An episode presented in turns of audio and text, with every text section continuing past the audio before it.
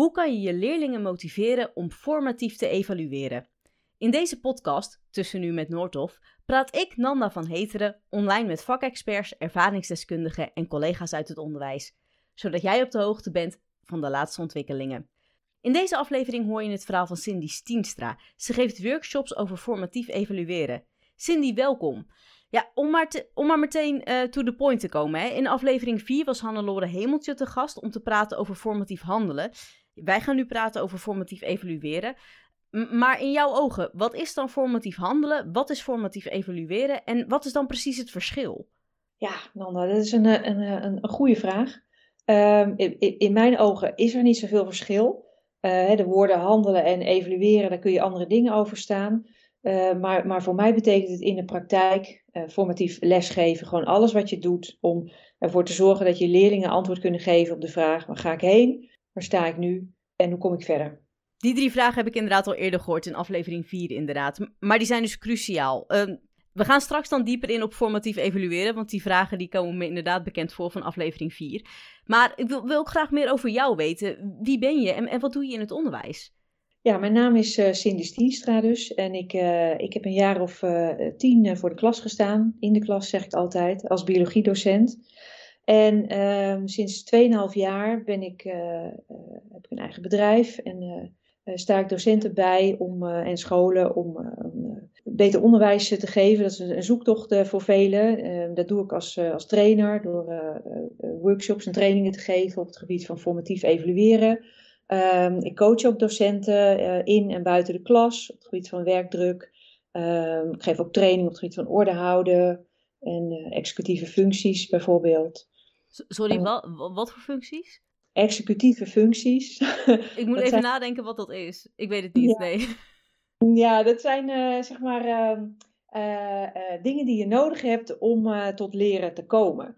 Dus bijvoorbeeld plannen en organiseren of impulsbeheersing of emotieregulatie. Dat zijn ja, bepaalde vaardigheden die je nodig hebt om überhaupt tot, tot leren te komen.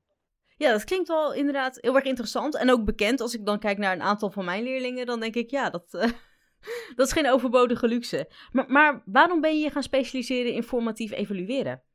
ja, dat, dat komt omdat dat een persoonlijke zoektocht van mij was toen, ik, toen ik docent was. Ik ik, heb, uh, ik, ik ben op latere leeftijd, ik zeg altijd onduidelijke redenen, voor de klas gaan staan. En ik vond dat niet makkelijk om, om dat te gaan doen. En, ehm, en al helemaal vanaf het begin had ik steeds, als ik een toets teruggaf, een ongemakkelijk gevoel. van ja, wat, wat, omdat ik leerlingen eigenlijk, bijvoorbeeld als ze een vier hadden gehaald, ja, iets, iets teruggaf en daar eigenlijk niet zo heel veel mee, mee kon doen. Omdat ik biologie is stapelvak. Ging daarna gewoon weer verder met het volgende hoofdstuk. En uh, ik heb zo gaandeweg, ja, er zijn altijd wat leerlingen, zeg altijd de sleutelleerlingen zeg ik altijd maar, die mijn gedrag hebben veranderd. Een daarvan was een meisje die haalde uh, een drie, terwijl zij precies gedaan had wat ik haar, van haar gevraagd had. Ze had al haar huiswerk gemaakt en het stond er als getikt in haar schrift. En ik weet nog hoe boos ze was op mij, omdat zij ja, precies had gedaan wat ik zei en toch die drie had gehaald. En ik had daar, ik had daar gewoon geen antwoord op. En dat zinde mij niet, daar had ik last van. En dus ik ben op zoek gegaan naar het verhaal achter haar cijfer en het verhaal achter alle cijfers van al mijn leerlingen, ook degene die een 9,5 haalde of een 10, om ze nou, beter bij te staan. Ja. In eerste instantie doet mij dit verhaal juist denken aan de Black's Book principes bij, bij die uh, leerling in, in haar hoofd, maar dat begrijp ik dus verkeerd. Uh, wat bedoel je met black box principe? Uh, nou de, moet ik heel ver terug in mijn gedachten. In de lerarenopleiding, dus 2006 tot 2010, had ik geleerd van uh, dat een leerling als hij of zij naar je toe komt en die persoon zegt, ik heb, maar ik heb echt goed geleerd, dat er dan een verschil is tussen leren en leren. En dat die persoon dan wel denkt van, ik heb misschien goed geleerd, niet diep genoeg of niet de verbanden heeft gezocht of alleen letterlijk de kennis heeft, uh, of de informatieoverdracht, maar niet de toepassing en de inzicht en dergelijke. Ja, en dat, en dat was ook bij haar aan de hand. Alleen dat, dat, dat was ik helemaal niet nagegaan. Dus zij, zij, uh, zij, zij, zij deed wat ze, wat, ze, wat ze moest doen en ik, en ik was niet nagegaan. En zij bleek uh, na te kijken met het, met het antwoordenboekje ernaast. Hè. Zij, zij, zij, zij dacht zichzelf onvoldoende uit. Maar ik ging dat ook niet na.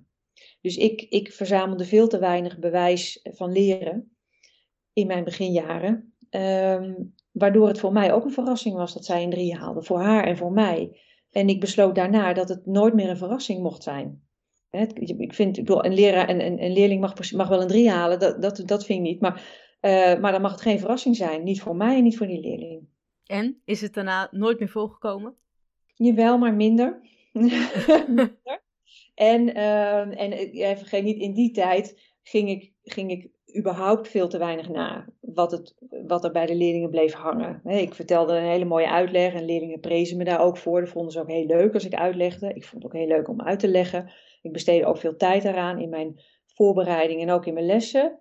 En uh, in de les zelf ging ik weinig na wat er precies bleef, bleef hangen van die uitleg. Dat deed ik wel op toetsen, maar niet uh, in de les zelf. En um, in de jaren daarna ja, gebeurde dat, slipte er wel eens een leerling doorheen, maar niet meer op zo'n grote schaal als in het begin. Nee. Dat klinkt goed. Dat, dan is, heeft deze podcast heel veel nut, want ik neem aan dat dat te maken heeft met formatief evalueren. Dat heeft heel veel te maken met formatief evalueren en dat heeft heel veel nut. Ja, oh, echt. Nou, gelukkig. Dan, uh, dan weten we in ieder geval dat we dit, dit gesprek niet voor niks gaan voeren. En uh, trouwens, voor Noordhof ga je ook online uh, interactieve workshops geven hè, over formatieve evalueren. dat is op het congres Levende Talen. Nou ja, dat congres is al vol, vandaar dat we ook deze podcast doen. Maar even in een notendop, wat, wat bespreek je daar dan? Ja, ik heb de workshop genoemd Formatief Evalueren, het fundament. Omdat ik vind, als ik het de basis noem, dan is het net alsof het voor beginners is. Maar dat hoeft helemaal niet. Uh, omdat ik merk dat heel veel uh, docenten. Ik heb nog nooit een docent ontmoet die niks deed aan formatief evalueren. Maar wel docenten die niet weten dat ze al aan formatief evalueren doen. En wat ik in de workshop wil laten zien, wat ik mensen wil laten ervaren, is hoeveel ze al doen aan formatief evalueren. Uh, en, waar, en waar de uitnodiging ligt. Waar ze, waar ze een kleine stap in kunnen maken. Ja, dat doe ik dan. Ik noem het het fundament. Ik doe dat, en dat heb ik niet zelf verzonnen, dat fundament. Ik doe dat aan de hand van een formatieve leercyclus van Gullekes en Baartman. Dit, dit klinkt mij heel bekend, want ik dacht in eerste instantie met uh, formatief handelen, toen ook met Hannelore, toen ik het van haar had gehoord, van oh, ik weet helemaal niet wat ik moet doen en ik doe het al helemaal niet, want ik geef alleen maar cijfers. Maar inzicht bleek dat ik het al inderdaad onbewust, onbekwaam blijkbaar al hier en daar toepaste. Dus dat, dat stelde me wel gerust. Ja, heel, heel veel docenten, ja, dat is voor, voor heel veel docenten ook, ook docentgestuurde, die, die ook hele, hele docentgestuurde lessen geven. Ja, is het een hele ja, opluchting om te zien dat, het, uh, dat ze en er al veel aan doen en dat het en niet zo moeilijk is uh, om daar stappen in te zetten. Laten we dieper ingaan op formatief evalueren op scholen. Uh, wat is jouw ervaring daarmee tot nu toe? Bedoel je uh, als docent, uh, toen ik nog biologie gaf, of als trainer? Beide. Ja, als, als docent gaf ik les op een, op een, een hele ja, normale, reguliere, reguliere school, waar cijfers toen nog heel belangrijk waren. En ik, ehm, ik merkte dat ik daarin ja, um, aan de ene kant heel veel vrijheid kreeg om, om wat in mijn lessen uit te proberen.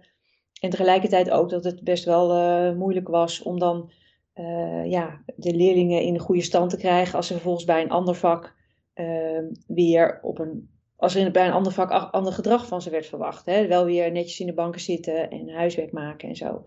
Um, dus ik vond dat. Ehm, ja, ik vond het aan de ene kant vond ik het een hele mooie zoektocht met mijn leerlingen samen. Uh, die hebben me echt heel veel geblunder vergeven. Dus dank je wel nog, lieve leerlingen. Maar ik vond het, ik vond het ook wel een, eh, een, eh, een, een worsteling om dat, uh, om dat uh, netjes met mijn collega's te doen. En, ja, en ook de mensen die daar niet, niet zo heel erg op zaten te wachten, om die ook, ja, om die ook gewoon ja, hun, hun, ding te laten doen. Ik vond het best moeilijk. Ja, ja. Ik, dit antwoord verbaast me, want ik ben zelf na de HAVO, dus toen ik 17 was, op de lerarenopleiding natuurkunde in Rotterdam gestart in 2006. En ik had altijd het beeld van, ik was toen nog best wel puberig en speels. En ja, gewoon nog helemaal niet volwassen met de trein naar Rotterdam vanuit het dorp waar ik woon. Vond ook al een hele onderneming. En super vet dat ik dat mocht doen. Of kon doen. Um, en ik had altijd het idee van ja, maar als je dan ouder bent, het maakt even niet uit hoeveel, maar dat je een beetje levenservaring hebt, dat je dan veel zekerder voor de klas zou staan. En ook door die levenservaring toch al veel meer mensenkennis hebt en, en al weet. En snap je wat ik bedoel? Ja, ik snap wat je bedoelt. En misschien, ja, ik, ik, ik, ik was al uh, eh, 35 of 36 toen ik uh, voor de klas ging staan. En misschien dat juist die levenservaring die ik uh, meenam, dat, ik, dat me die ook een basis gaf waarin ik durfde te experimenteren in de les. En ehm, nou, ik vind ook dat een bepaalde houding waarin je je nederig opstelt ten opzichte van je omgeving en de mensen om je heen. Uh, ja, dat, dat, dat siert de mens, vind ik ook. En, uh, dus ik heb me altijd, uh, ja, ik heb altijd gepoogd om het onderwijs eh, samen met mijn leerlingen vorm te geven. En ja, daarbinnen past dus ook dat ik me als docent, ja, wel eens, dat ik wel eens een foutje maakte, dat ik me ook wel eens een foutje permitteerde. En dat ik dan mijn leerlingen heel dankbaar was als ze me dat, uh, als ze me dat vergaven. Ja, ja. En het omgekeerde natuurlijk ook. Hè? Ik vergaf mijn leerlingen hun fouten natuurlijk ook. Dus, uh, ja. nee, nee, dat is logisch. En dat is ook heel nobel alle kanten op. Maar dan begrijp ik dus eigenlijk dat het gewoon al op, op een ander niveau lesgeven is dan wanneer je echt heel bleu bent. En, en zo in de lerarenopleiding zo voor de klas gaat staan. Dat je echt op een ander niveau al bezig was met je leerlingen. Ja, ik, ik, ik had uh, echt uh, een, een, een, een gevoel van binnenuit dat ik uh, op de goede weg was. Ja, ja. En dat, dat kompas heeft, mij, heeft, me, heeft me geholpen om, om iets uit te zoeken waar ik, waar ik toen zelf nog heel weinig van af wist. Ik wist heel weinig af van formatief evalueren. Ik had wel wat boeken gelezen en ik had een ongelooflijke goede collega toen. Die, die gewoon ja, heel erg veel eh, van lesgeven wist en, en er gewoon heel erg goed in was. En we zijn samen zijn we eigenlijk aan het, aan het zoeken gegaan. We zijn een keer naar een congres geweest. Uh, met, uh, en dat was John Hattie. En uh, nou, ik hing er niemand zijn lippen. Ik vond het echt geweldig wat hij vertelde. En we zijn maar gewoon gaan uitproberen hoe we dat in, de, ja, in, de, in de les voor elkaar moesten krijgen. En daarin merkten we dat, ehm, dat eigenlijk hele kleine stapjes al heel veel verschil maakt voor leerlingen. Door bijvoorbeeld een keer een oefening uh, bij leerlingen neer te leggen uh, waar ze dingen aan elkaar moesten uitleggen bijvoorbeeld. Of uh, door een keer een leerdoel, een keer te starten met een leerdoel en, en vervolgens een les te ontwerpen rond dat leerdoel. Merkte ik al dat leerlingen veel zelfstandiger werden en daardoor ook, ook meer leerden. Ja. Dus dat heeft ook met formatief evalueren indirect te maken, of direct misschien zelfs. Ja, ja, formatief evalueren betekent leerdoelgericht onderwijs geven. Ja. Nu heb je dat deels natuurlijk al uh, een beetje aangegeven met onder andere dat lesdoel en dat leerlingen zelf die les gaan maken. Maar, maar hoe gaan leerlingen over het algemeen om met formatief evalueren? Nou, mijn leerlingen waren in het begin niet, uh, niet uh, onverdeeld enthousiast, moet ik zeggen. Omdat ik daarvoor gewoon een docent was die heel veel voor de leerlingen regelde. En heel erg ik wil niet zeggen dat ik ze pamperde, maar ik, ik deed wel veel voor ze. Ik had altijd alles eh, uitgedraaid en mijn administratie was helemaal op orde en ik was nooit wat kwijt. En ehm, eh, toen ik op een gegeven moment ja, ontdekte dat uh, heel veel uitleggen voor de klas niet het allerbeste was, toen ben ik minder gaan uitleggen. En dat vond ik zelf jammer. Maar dat vonden mijn leerlingen in het begin ook jammer. En ik, ik kan me ook nog een tijd herinneren dat, ehm, ja, dat, dat het voor de leerlingen, die, die, vonden, dat, die vonden dat best spannend om uh, in de les openheid van zaken te geven over de stand van het leren. Waar ze voorheen hun fouten thuis mochten maken, verwacht ik nu van ze dat ze die in de les maakten. En de, met name VWO-leerlingen vonden dat in het begin helemaal niet prettig. Dat snap ik heel goed. Ik moet even nadenken waarom ze dat niet prettig vinden. Want aan de andere kant, je haalt ze ook een hele hoop werk weg thuis, toch? Doordat je ze al in de les zo uh, met het leren bezig zijn en met het proces. En uh, met in jouw geval uh, de biologie, dat ze dat thuis minder hoeven doen. Ja, maar wat voor, wat voor do, uh, docenten geldt, geldt natuurlijk ook voor leerlingen. Docenten, ik vond het ook moeilijk om mijn gedrag aan te passen. En dat, dat was in eerste instantie ook voor leerlingen zo. En ik had er nog voor gekozen om mijn gedrag aan te passen. En de leerlingen, ja, ik verwachtte eigenlijk dat ze daarin volgden. Dat hebben ze ook gedaan. maar dat vonden ze, nou ja, dat vonden ze best best een beetje spannend. Ja. Waren ze ook deels ongemotiveerd, omdat ze misschien dachten het is nu niet voor de cijfer of zo? Dat viel wel mee. Dat, dat, dat moet ik ze echt nageven. Dat, dat, we hadden al een, een, manier van werken, denk ik, gevonden waarin het niet meer alleen maar ging om, uh, om hoge cijfers halen. Hoewel een aantal leerlingen ja, bijvoorbeeld als, als je dicht tegen zo'n decentrale selectie van geneeskunde aan zit, dan, dan spelen, spelen cijfers altijd een rol. Ehm, maar ik, ik vond ze niet ongemotiveerd, helemaal niet. Nee, nee. nee. Oh, dat vind ik wel goed om te horen. Nu vandaag de dag, want we praten nu denk ik over een jaar of tien geleden, maar formatief handelen is nu nog steeds een ware hype of is een ware hype geworden. Maar als ik jou zo hoor, dan bestaat het blijkbaar al heel erg lang. Of is er heel veel veranderd?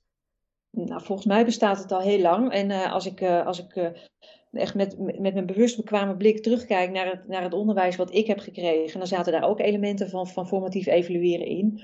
Ik weet niet, ja, het is ergens een keer is, het, is, het, is het ingeraakt, maar ik zou het geen hype willen noemen. Um, een, een hype is iets wat een tijdje in de mode is en, en, um, en, en, en, en wat weer uitraakt omdat het niet goed werkt. En, en formatief evalueren is volgens mij iets wat, wat gewoon altijd blijft werken. Dat is altijd een goed idee.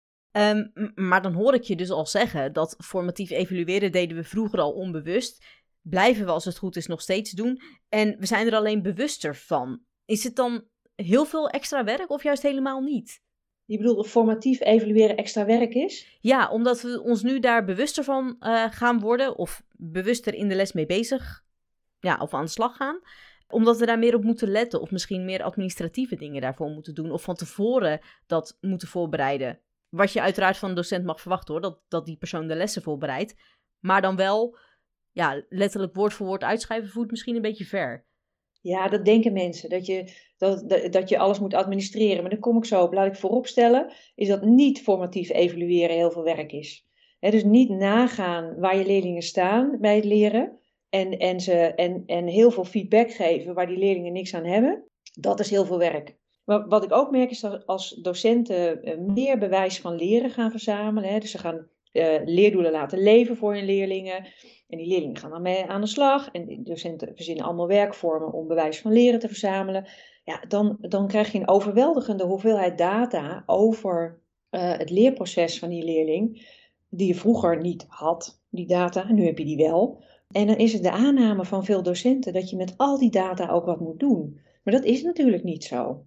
Um, dus die, die, die, die data, je haalt er gewoon uit wat je nodig hebt om je volgende beslissing te nemen. Hè. Dylan William noemt dat beslissingsgedreven data verzamelen.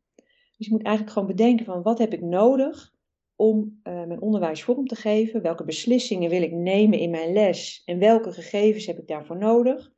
En als je dan meer gegevens verzamelt, per ongeluk, door de werkvorm die je hebt, omdat je een Kahoot hebt afgenomen en je hebt nog veel meer gegevens, dan laat je die gewoon links liggen. Maar hoe formuleer je dan die leerdoelen waar je het net over had?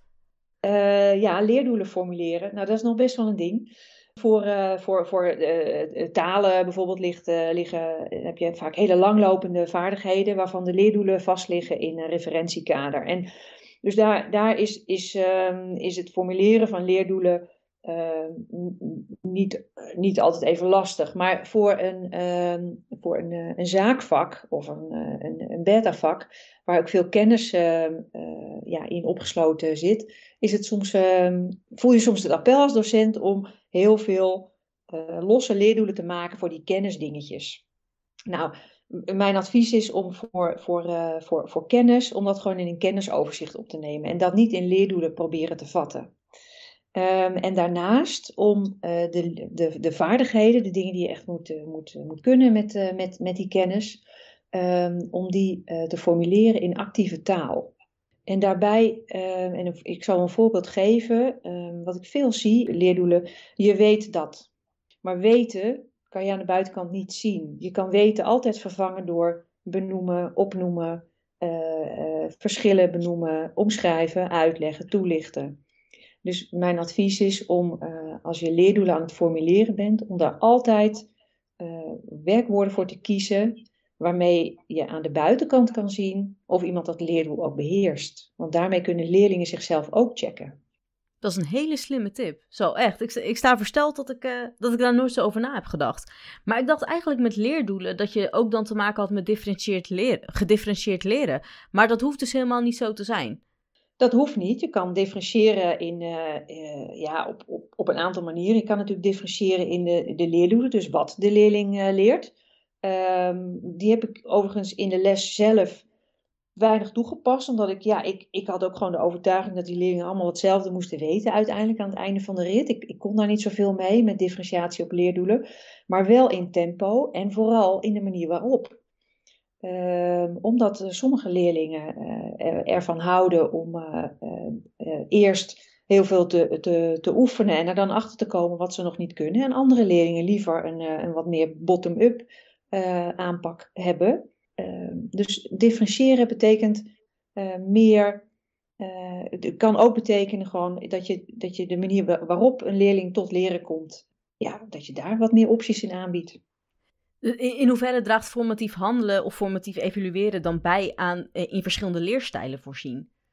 Um, ik weet niet um, of, of, leerstijlen daar zo aan bijdragen, maar, maar, maar formatief evalueren houdt, uh, houdt in dat, um, dat leerlingen eigenlijk de hele tijd weten waar ze staan. En als docent weet je ook waar je leerlingen staan. En leerlingen die weten waar ze staan, weten ook, als ze dan ook weten hoe ze verder moeten komen, dan zijn ze eigenlijk allemaal op hun individuele leerpad aan de slag. En vanaf het moment dat ik dat een beetje onder de knie had, uh, vanaf, vanaf dat moment kon ik opeens differentiëren. Omdat uh, ik mijn handen uh, ja, vroeger veel meer, kwijt, veel meer uh, bezig had, vol had met leerlingen aan het werk zetten. Gaan ze wat doen? gaan ze aan die opdracht werken? Gaan ze aan die opdracht werken?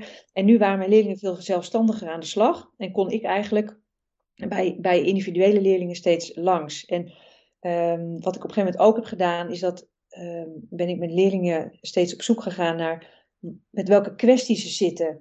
Bijvoorbeeld naar aanleiding van een toets maakten we een toetsanalyse. En er kwamen bij sommige leerlingen uit dat ze bijvoorbeeld in de les heel vaak afgeleid raakten. Nou, prima. En die leerlingen vroegen mij dan, wilt u mij wat vaker bij de les houden? Dat is prima, dat deed ik dan bij die leerlingen. Terwijl bij andere leerlingen eruit kwam dat ze bijvoorbeeld uh, veel te veel leunden op hun reproductieve kennis waardoor ze eigenlijk uh, steeds vast bleven zitten in samenvattingen maken en uh, een boek lezen en netjes de opgaven maken die ze al lang konden. En, door, en die leerlingen vroegen me eigenlijk van, mevrouw, wilt u me wat meer uit mijn comfortzone halen? En daar kon ik dan met die leerlingen aan de slag gaan. En ja, pas toen ik formatief evalueren onder de knie kreeg, kon ik ook differentiëren. En dan zonder die, die, ik zeg altijd drie keer die eenheidsworst. Hè? Een snelle, een langzame en een gemiddelde groep. Wat mooi dat je dat zegt. Wat een mooie conclusie trouwens, ja. Maar, maar welke werkvormen kies je dan voor formatief evalueren in, in zo'n soort situatie? Ja, het devies is, is alle werkvormen waarbij je opbrengst vraagt van alle leerlingen, die zijn goed. Daarin uh, mag je, je je creativiteit helemaal loslaten. Ja? Zolang je ze maar inzet met het doel waar, ze voor, waar ze voor bedoeld zijn. Dat is dus enerzijds om dat leerdoel te bedienen, wat je, aan het, wat je wil bedienen. En anderzijds om die data te verzamelen die je nodig hebt om een beslissing te nemen over de rest van je onderwijs in die les. Uh, tegelijkertijd ben ik aan het nadenken van wat doe ik dan in mijn lessen natuurkunde, wat formatief handelt en tegelijkertijd met een bepaalde opdracht bezig is. Dan zou ik wel heel graag even jou als hulplijn willen inschakelen. Wat, wat zou ik dan doen? Want een onderwijs-leergesprek, daar beslis ik in van oké, wat ga ik nu met deze groep leerlingen doen of met deze groep of met, dit, uh, met deze individuele leerling. Uh, en tegelijkertijd, omdat ik natuurlijk nog aan, um, aan, aan, cijfers zit, ja, geef ik ze toetsen voor een cijfer, geef ik ze een praktische opdracht of een practicum of een verslag of iets dergelijks voor een cijfer. Dus ik ben tegelijkertijd even aan het nadenken en ik kom er echt niet uit wanneer ik het nou samenvoeg. En welke twee dingen wil je samenvoegen, Anne? Nou, wat je zei, van dat je uh, uh, een opdracht kan doen en tegelijkertijd kan formatief evalueren. Jij noemde het onderwijs-leergesprek, hè? Kan je een mhm. onderwerp noemen waar jij een onderwijs-leergesprek over voert? Ja, eigenlijk over alles wat we de vorige les ook hebben besproken. Dus uh, terugkomend over wat ik al zei, natuurscheikunde, hoofdstuk 1. Wat is nou precies natuurkunde? Wat is het verschil tussen natuurkunde en scheikunde? En wat is dan scheikunde en wat is biologie? Uh, die vier vragen bijvoorbeeld, die behandelen we dan in de eerste les. En in de tweede les kom je daarop terug in een eerste instantie een onderwijs-leergesprek. En test je ook de voorkennis van de leerlingen van, um, ja, wat gebeurt er dan in het dagelijks leven? Of, snap je? Ja, en hoeveel leerlingen zijn er tegelijkertijd aan het woord bij een onderwijs-leergesprek? Ja, in mijn geval wel één tegelijk, maar dat ligt aan mij. Want ik geef ze natuurlijk een beurt naar aanleiding dat ze hun vinger opsteken. Ze steken wel uh, over het algemeen 80 of 90 procent tegelijkertijd uh, vingers in de lucht. Kijk, dat is al winst. Ah, fijn. dat is goed om te weten. Wat, ik, wat ik zou doen is, wat je kunt doen, is je zegt of ehm, alle vingers naar beneden en jij wijst aan. Ja? Mhm. Dan zou ik een randomizer voor gebruiken. Dus een of andere app waardoor je zeker weet, of een leerlingkiezer of zo, waardoor je zeker weet dat niet je eigen vooringenomenheid ten aanzien van de klasseindeling een rol speelt bij het geven van beurten. Maar een andere hele krachtige is gewoon alle leerlingen antwoord laten geven. Door bijvoorbeeld um, een meerkeuzevraag te geven en Ehm, de leerlingen uh, voor het antwoord A één vinger te laten opsteken, B twee vingers, C drie vingers en D vier vingers bijvoorbeeld. Um, of door het gebruik van, uh, van whiteboardjes. Ik krijg. Oh, sorry. Ik, ik, wilde je niet in de reden vallen, maar ik krijg meteen het gevoel van, uh, hoe heette die spelletjes op tv? Van 1 tegen 50 of zo? En, en petje op, petje af van vroeger en, en, en dat soort dingen. Maar in ieder geval waar ze samen dus tegelijkertijd het antwoord kunnen geven. En een beetje een comp competitie erin, begrijp ik. Uh, het kan eh, met competitie, maar het kan ook gewoon zijn dat jij zegt van ja, 3, 2, 1 en nu vingers omhoog. En dan, en dan moet iedereen tegelijk antwoord geven. En daar zijn natuurlijk ook allemaal online tools voor of digitale tools. Afhankelijk van, uh, van waar je voor in bent als docent. Maar werkvormen waarbij alle leerlingen tegelijkertijd opbrengst leveren, die, zijn, die lenen zich daar altijd voor. Kijken ze dan juist niet naar het doel, namelijk een rondje verder komen in het spel, dan, uh, dan naar het proces? Ja, dat heb je als docent in de hand. Hè. Ik merk dat bij Kahoot bijvoorbeeld, omdat tijd een rol speelt in, de, in de, het aantal punten wat je krijgt, dat leerlingen wel eens heel snel gaan antwoorden. Maar als jij aftelt en, en leerlingen moeten allemaal tegelijkertijd een antwoord geven op een whiteboardje, dan, dan zit daar geen, geen, geen tijdsurgentie achter. Dus dan, dan, dat heb je in de hand. Ja. In hoeverre speelt taalgebruik dan ook een rol bij formatief evalueren? Want in mijn vak moet je echt heel nauwkeurig zijn. een slinger die om het moment gaat, is iets anders dan op het moment. Dan krijg je een heel ander vraagstuk. Uh, taalgebruik speelt een hele belangrijke rol bij uh, formatief evalueren. Sowieso natuurlijk bij het formuleren van, uh, van leerdoelen, hè, waar je dan actieve taal moet gebruiken. Maar nog belangrijker vind ik het bij het stellen van de juiste vragen aan, aan leerlingen. Um, en daarbij is, vind ik, ik het altijd gemerkt dat het heel belangrijk is om met oprechte nieuwsgierigheid en met uitstel van oordeel vragen te stellen aan leerlingen. Omdat in de vragen die wij stellen als docenten heel vaak onze oordelen en aannames, overtuigingen, zo je wil, een rol spelen. En vraag maar eens um, met oprechte nieuwsgierigheid aan een leerling waarom hij zijn huiswerk niet gemaakt heeft. Dat klinkt al snel uh, beschuldigend. En uh, de manier waarop je die vragen stelt, die uh, bepalen de kwaliteit van het antwoord. En als je echt wilt weten, echt, echt, echt wilt weten waarom een leerling doet wat hij doet, en waarom je niet tot leren komt, dan moet je met oprechte nieuwsgierigheid luisteren. Um, en ook met oprechte nieuwsgierigheid die vragen stellen.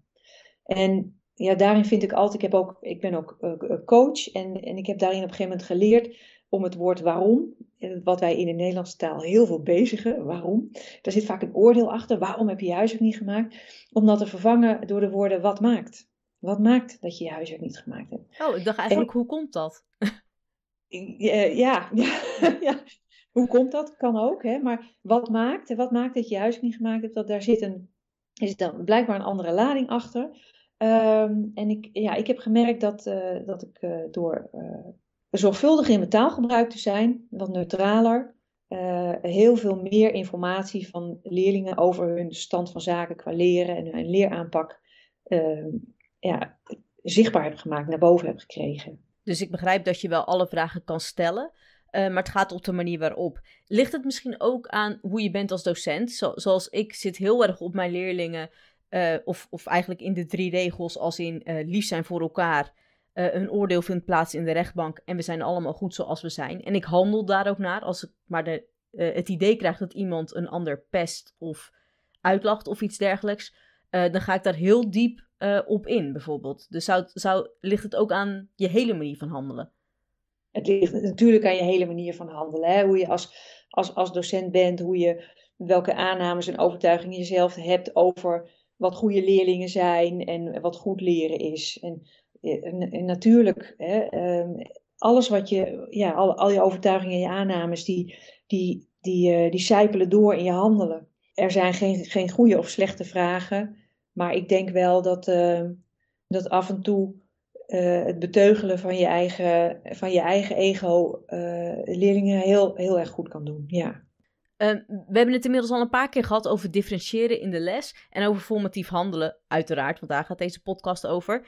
Maar loop je nou niet het risico dat je te veel gaat differentiëren in de klas door formatief handelen? Of, of hoe ga jij er dan mee om? Ja, kan, je, kan je te veel differentiëren? Dat, dat is mijn vraag. Ik denk van wel. En de reden zit hem in dat je dan, uh, maar dat is mijn persoonlijke mening hè, het einddoel gaat vergeten waar de leerlingen uiteindelijk naartoe moeten. Als in de lesstof onder de knie krijgen en, en dat soort dingen. Dat je misschien te veel zijsporen neemt qua interesses. En ja, ze op een bepaald moment toch echt wel uh, dat tentamen voor zich krijgen, bijvoorbeeld. Ja, het is mooi dat je dat zegt. Want bij formatief evalueren hou je juist dat doel de hele tijd uh, voor ogen. Hè? Formatief evalueren betekent uh, dat je antwoord geeft op, op de drie vragen. Waar, waar, waar, ga, waar gaat de leerling naartoe? Waar ga ik naartoe? Waar sta ik nu ten opzichte van dat doel? En hoe kom ik verder? Met andere woorden, hoe dicht ik het gat tussen waar ik sta en waar ik naartoe wil? En dat is voortdurend in dienste van dat doel. En dat betekent niet per se dat het altijd een cognitief doel moet zijn. Dat mag ook een ander doel zijn, een metacognitief doel, zoals ik wil beter leren plannen bijvoorbeeld. Dat kan ook. Uh, maar juist bij formatief evalueren heb je steeds dat doel voor ogen en de leerling ook. Oké, laat, dus... ik, laat ik de vraag dan anders stellen. Want in mijn uh, optiek, maar misschien heb ik het helemaal fout hoor, is het ook zo dat uh, de natuur bepaalt zelf het tempo, dus ook uh, het tempo van leren. En ik ken ook leerlingen die hebben echt wel twee of drie keer zoveel tijd nodig als hun klasgenoten. Um, maar er zit dus wel een bepaalde tijdsdoel achter die hetzelfde is, begrijp ik. Ja, kijk, uiteindelijk verandert formatief evalueren niks aan, aan de verschillen tussen leerlingen in dat opzicht. Hè? Dus uh, als, als er leerlingen, er zijn altijd leerlingen die sneller gaan en leerlingen zijn die, die langzamer gaan. Ik denk wel dat, of, in, in, mijn klasse merkte ik op een gegeven moment wel dat ik had eerder de neiging om uh, de, de klas gevangen te houden in het tempo van de langzaamste leerlingen. En um, door formatief evalueren kon ik um, de andere leerlingen, de hoofdmoot van de leerlingen, daar eerder vrij van maken. Doordat zij dan uh, op een individuele leerroute aan een, een leerdoel konden werken. Waardoor ik mijn handen even vrij had voor die leerlingen die wat langzamer gingen. Ja, en die leerlingen kwamen niet altijd even ver als die andere leerlingen. Maar dat was ook zonder formatief evalueren zo geweest. Ja, misschien draagt het juist formatief handelen er meer aan bij dat ze hetgeen wat ze wel hebben besproken en behandeld beter begrijpen, denk ik. Ja, en, en ik merkte ook dat ik er veel meer oog voor kreeg uh, voor wat ik werkelijk belangrijk vond. Dat die, die leerlingen die dan wat minder goed konden meekomen, dat die in ieder geval een bepaalde basis hadden waar we allebei goed zicht op hadden. Dat, dat die er in ieder geval was en niet uh, toevallig de helft van de stof, omdat ze de eerste helft van het boek wel snapten en de tweede helft niet bijvoorbeeld. Maar, maar zijn er dan ook situaties waarbij formatief evalueren niet zo geschikt is? Formatief evalueren is natuurlijk niet het antwoord op alles. Uh, er zijn uh, bijvoorbeeld wat, wat, ik, wat ik nu zie op scholen is uh, sinds, sinds de zomervakantie, nu scholen weer open zijn, dat, dat leerlingen het functioneren in een, in een sociaal schoolsysteem toch wel uh, enigszins ontwend zijn en waardoor ze in de klasse, in klasse gedoe is. en daar zijn docenten hebben daar hun handen, handen vol aan. En ehm, dan gaat het eigenlijk niet zo over leren. Het gaat eerst over hoe gaan we met elkaar om. En daar gaat formatief evalueren eigenlijk niet zo over. Het staat het ook niet in de weg. Uh, maar formatief evalueren is daar niet, niet per se een antwoord op. Dus het is goed lesgeven is meer dan formatief evalueren alleen. De, de pedagogische toon die je aanslaat tegen leerlingen en de manier waarop je problemen in het welbevinden van, van leerlingen signaleert, is, uh, is, is minstens zo, zo belangrijk natuurlijk. Nu is deze podcast natuurlijk voor docenten of voor mensen die interesse hebben in het voortgezet onderwijs. Heb je drie tips die we direct kunnen toepassen, waarbij je formatief evalueert al direct in je les? Ja, ik, ik zeg altijd begin morgen en met een klein stapje. dat is tip 1. Uh, eh, kleine stapjes kunnen een heel groot verschil maken. Um, en, en, uh, en, en, en de tweede tip is, uh, ga het experiment aan. Probeer wat uit. Wetende dat uh, het ingebakken zit, informatief evalueren, dat je steeds nagaat wat het effect van je handelen is. Dus je kan er eigenlijk nooit echt naast zitten. Als je steeds nagaat, je iets uitprobeert en je, en je, en je gaat steeds na wat er van terecht komt, dan uh, ja, dus dat wat niet zo goed uitpakt, dat doe je daarna gewoon niet meer. Dus dat kan niet echt fout zijn of zo. Dat is, een, dat is tip 2. Ja, en, en misschien wel de allerbelangrijkste, geniet ervan. Ja, maak er ook iets, maak er iets leuks van, ook met leerlingen samen. Formatief evalueren betekent dat je leerlingen meer gaan leren. En ehm, nou, ik, heb nog geen docent ontmoet die dat niet het allerbelangrijkste vond van zijn vak.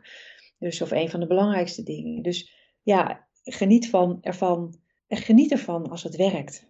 En, en ook in het hele leren, begrijp ik. Maar wel, welke valkuilen moet je juist echt vermijden? Ah, toch wel ten eerste uh, die, die, die overweldigende hoeveelheid data die, die onderwijs eh, gaat opleveren op het moment dat je begint met, uh, met formatief evalueren of verder gaat met formatief evalueren. Uh, de, de, het idee dat je daar ook allemaal wat mee moet, dat hoeft dus niet. Hè? Want wat ik merk is dat veel docenten een hele uitgebreide administratie gaan, gaan bijhouden op voortgang op leerdoelen. Ehm, en dan schiet het zijn doel voorbij. En wat ik al eerder zei, ga beslissingsgedreven data verzamelen. Doe ook alleen maar wat met die data. En probeer zoveel mogelijk van die administratie, of een deel van die administratie, ook bij de leerlingen te leggen. Zodat zij de voortgang op hun leren bijhouden. Dat is, dat is een hele geruststelling. Ja, zeker. Maar, maar wat gaan leerlingen zelf merken van die tips? Uh, bijvoorbeeld veranderingen in de les, in hun motivatie, in, in jouw gedrag als docent? Ja, wat, wat, leerlingen vooral gaan merken is dat ze meer controle krijgen over een, uh, over een leerproces. Hè, waar, ze, waar ze voorheen, het klinkt misschien gek, maar, maar leerlingen hebben, uh, zoals dat meisje wat ik, wat ik noemde, die een drie had gehaald, die zien vaak het, het resultaat wat ze halen, zien ze als een effect van jouw handelen als docent en niet van hun eigen handelen. En door formatief te evalueren, krijgen leerlingen beter inzicht, in, in, beeld, wat het effect is van hun eigen handelen. Dat, dat zij het zijn die aan die knoppen draaien. Um, en ja, dat maakt wel dat leerlingen gemotiveerder raken. Ja. Ik vind dat een hele mooie afsluiting. Dat ze en gemotiveerder raken en uh, een stukje eigenaarschap, wat ik je eigenlijk indirect hoor zeggen. Ja, zeker. Hè. Leerlingen krijgen controle over hun succes ook. En dat is uh, minstens zo belangrijk als inzicht in je fouten, zeg ik altijd maar. En succeservaring vind ik ook een hele mooie hoor. Jazeker, ja. Dankjewel voor dit gesprek. Graag gedaan, Nanda.